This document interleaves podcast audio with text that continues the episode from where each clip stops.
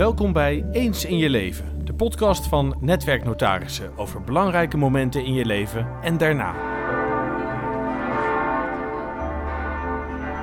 Bijna iedereen komt voor de dag te staan dat je één of beide ouders de laatste eer bewijst. en nu en altijd en in de eeuwen der eeuwen. Amen. Halleluja.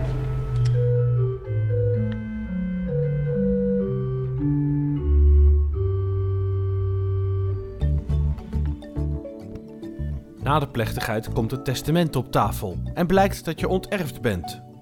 Om dit te voorkomen is de legitieme portie bedacht, maar er zitten meer nadelen aan dan je zou denken. In deze podcast leg ik met twee gasten uit wat de legitieme portie is en wat daaraan veranderd zou kunnen worden. Want ook al zijn leven en dood nooit veranderd, hoe we daarmee omgaan kan best wat verandering gebruiken, zeggen de professionals.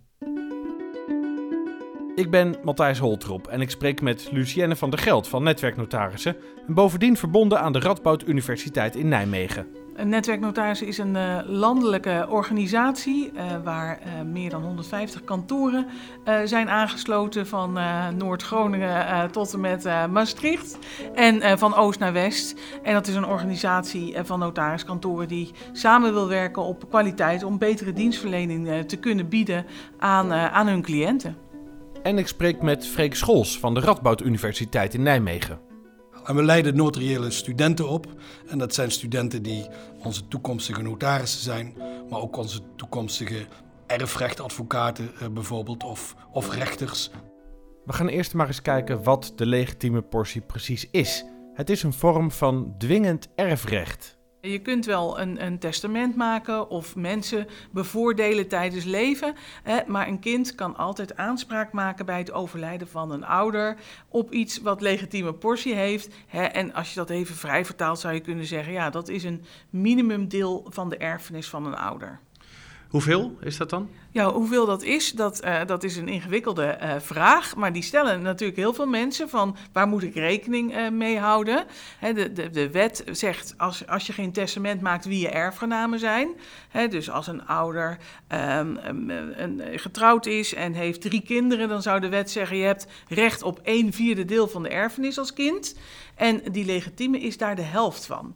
Alleen het speciale aan die legitieme is dat dat niet in de erfenis naar voren moet komen, maar in het vermogen van iemand. He, dus we gaan niet alleen de erfenis bekijken en becijferen, maar we gaan ook kijken wat er bijvoorbeeld vlak voor het overleden aan financiële transacties is geweest. Hoe de legitieme portie in de praktijk precies werkt, daar komen we straks op terug. Maar waarom zou je het eigenlijk veranderen? Als, het, het erfrecht is, is maatschappelijk relevant, want iedereen uh, uh, moet eraan geloven. Uh, dus in die zin is de maatschappelijke relevantie groot. En die legitieme is er al sinds Sint-Jutemus. de, de Romeinen, de Germanen kenden al een legitieme. Dus die, die, die, die testeervrijheid was al altijd beperkt. Ja, en tegenwoordig is de vraag, uh, willen mensen beperkt worden op, op, op dit uh, terrein? En ja, dus in die zin, die legitieme, ook wel de crux van het erfrecht uh, genoemd, belangrijk. Ja, voor ons vanuit de notarispraktijken bezien is het actueel, omdat we zien dat uh, bijvoorbeeld familiebanden zijn verwaterd. Hè? Dus er is minder uh, contact of minder vanzelfsprekend dat iedereen contact met elkaar houdt uh, binnen de familie of een band heeft.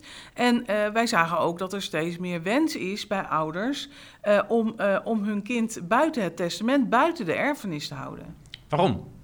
Om, nou, er liggen verschillende redenen aan ten grondslag. Dat kan ook zijn, uh, en dat heeft wellicht met de toegenomen welvaart te maken, van ik vind dat mijn kinderen al genoeg hebben gehad. En uh, heel veel uh, mensen die nu rond de 60, 70 zijn, die zeggen altijd, ik geef het liever als ik er zelf nog mee van kan genieten wat mijn kinderen met het geld doen. Dus die willen graag, zoals dat dan heet, schenken met de warme hand. Ik vind het heel akelig, in plaats van schenken met de koude hand. En dan wordt met die koude hand pas eh, overlijden, het testament eh, bedoeld. Uh, dus, dus het is soms dat ouders zeggen, ja, ik heb op een bepaald moment genoeg aan de kinderen gegeven, maar ik wil, ik wil bijvoorbeeld mijn erfenis nalaten aan goede doelen. Maar er zijn ook ouders die aan de andere kant van het spectrum zeggen van, waarom? Ik heb mijn kinderen opgevoed, genoeg gegeven en ik heb er geen contact meer mee of ik vind dat ze zelf hun weg moeten zoeken in het leven en ik wil mijn erfenis aan iemand anders nalaten.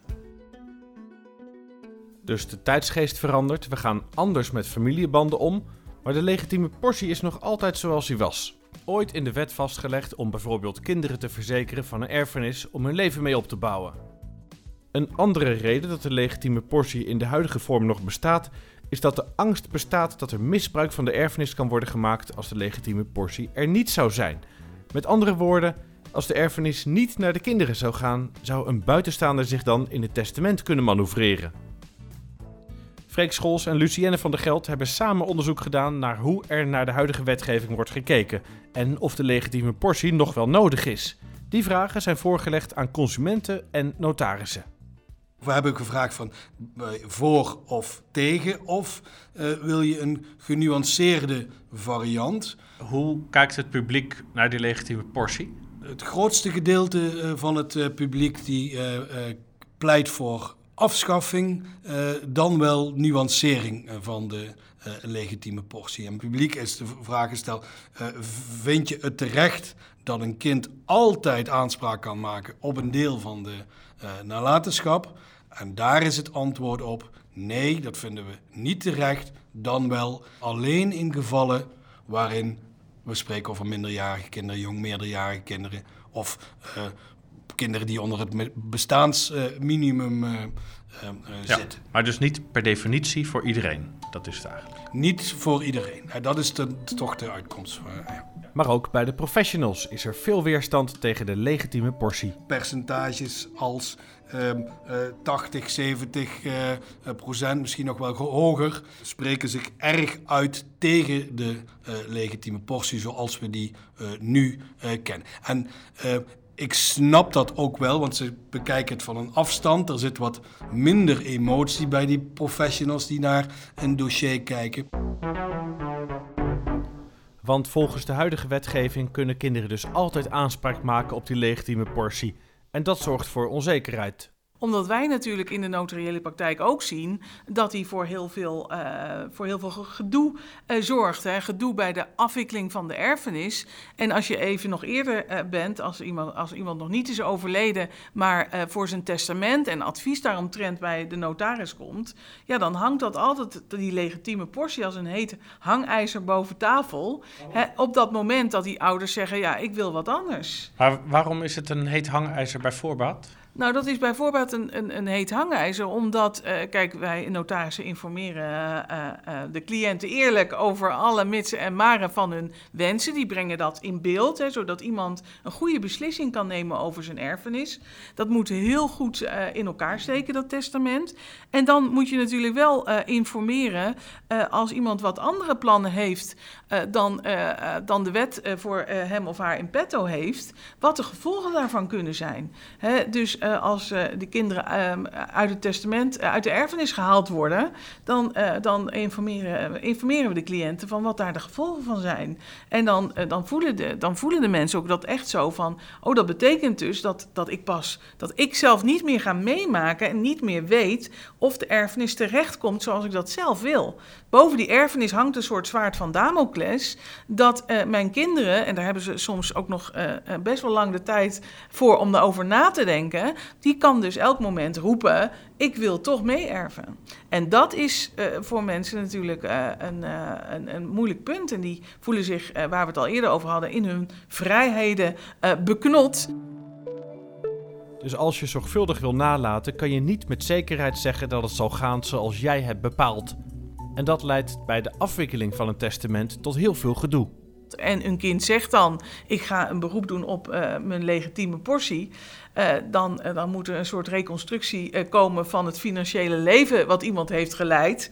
Hè, omdat we dan niet alleen naar, van, naar de erfenis kijken, maar ook naar wat er kort daarvoor is gebeurd. En dan, ja, dat, dat leidt vaak zelfs tot rechtszaken en, en die, die niet zelden doorgaan tot hoven en hoge raad en, en alles wat daarbij komt kijken. Dus, dat zo'n erfenis ook gewoon heel emotioneel is. Ja, ik, ik kan me ook heel goed voorstellen aan de andere kant, want die mensen spreken we natuurlijk ook dat, uh, dat het heel wat is als je door je ouders uh, buiten de erfenis wordt gehouden.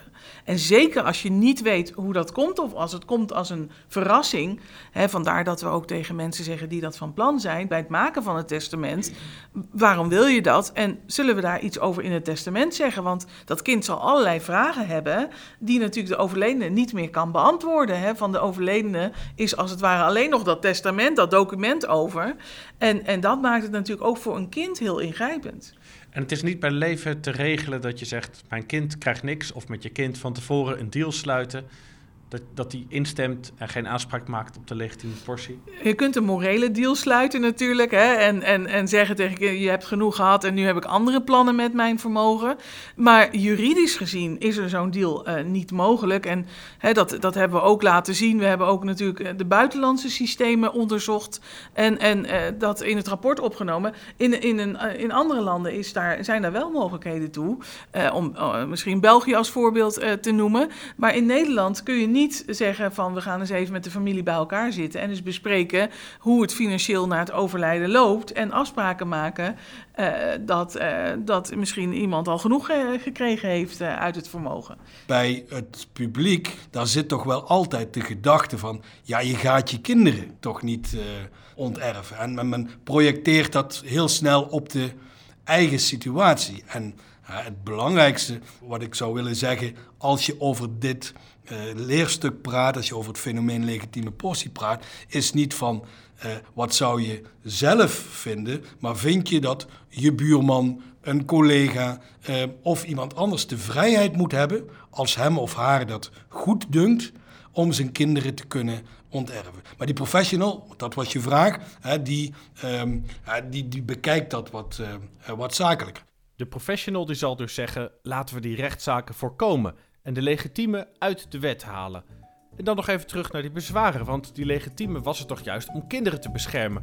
Maar ook daarvoor is er al een alternatief in de wet vastgelegd. En dat is een beetje het gekke, dat de wet op twee gedachten hinkelt. En uh, waarom het een wel en, en, het ander niet, dat wordt niet geheel duidelijk. Uh, dus uh, de wet heeft al gedacht om, om jonge kinderen te beschermen, of, of jonge adolescenten, maar, niet, maar ook daar nog een legitieme naast gezet. En dat is natuurlijk een, een, een interessante gedachte van waarom doen we het allebei en waarom niet één van beiden? Naar aanleiding van het rapport uh, kun je op zijn minst zeggen: uh, het is goed dat we met z'n allen, de politiek, er nog eens over nadenkt. Zodat als we een legitieme houden, dat we weten waarom we hem uh, hebben, wat ons doel van die legitieme is. Het is een principieel vraagstuk: waarom mag ik niet met mijn vermogen doen wat ik wil? Ten slotte pakken we nog even onze glazen bol erbij. Wat zou er nou in Nederland gebeuren als we die legitieme portie afschaffen? En waar moeten we dan rekening mee houden? In ieder geval zien we dan dat er heel veel kinderen onterfd zouden worden, of in ieder geval een stuk minder erfenis zouden krijgen dan misschien aanvankelijk gedacht. En dat kan grote consequenties hebben. Wat betekent dat dan voor kinderen uh, die helaas financieel niet op eigen benen kunnen staan? En dan bedoel ik even niet die jonge kinderen voor wie we al een voorziening in de wet hebben. Hè, en voor de jonge adolescenten, maar voor de wat oudere kinderen die uh, niet uh, financieel op eigen benen kunnen staan. Die krijgen misschien ooit een erfenis, waardoor ze uit de bijstand geraken. Ik noem maar eens iets. Maar je zou dus op macroniveau moeten kijken, wat betekent dat nou eigenlijk voor het land? Van gaan er daardoor heel veel mensen tussen de mazen vallen en, en zijn wij bereid? Om uh, ten gunste van de vrijheid dat iedereen zijn testament zo mag inrichten als hij of zij zelf wil, wat hij met zijn geld mag doen uh, uh, wat, wat hij zelf wil, om wat dat betekent voor de sociale voorzieningen. Want daar hebben we het dan eigenlijk over bijstand en andere sociale voorzieningen. Wil je nalezen hoe het precies zit met de legitieme portie of nalezen hoe het onderzoek is gegaan? Kijk dan op delegitiemeportie.nl. Of kijk natuurlijk bij netwerknotarissen.nl. Dank voor het luisteren.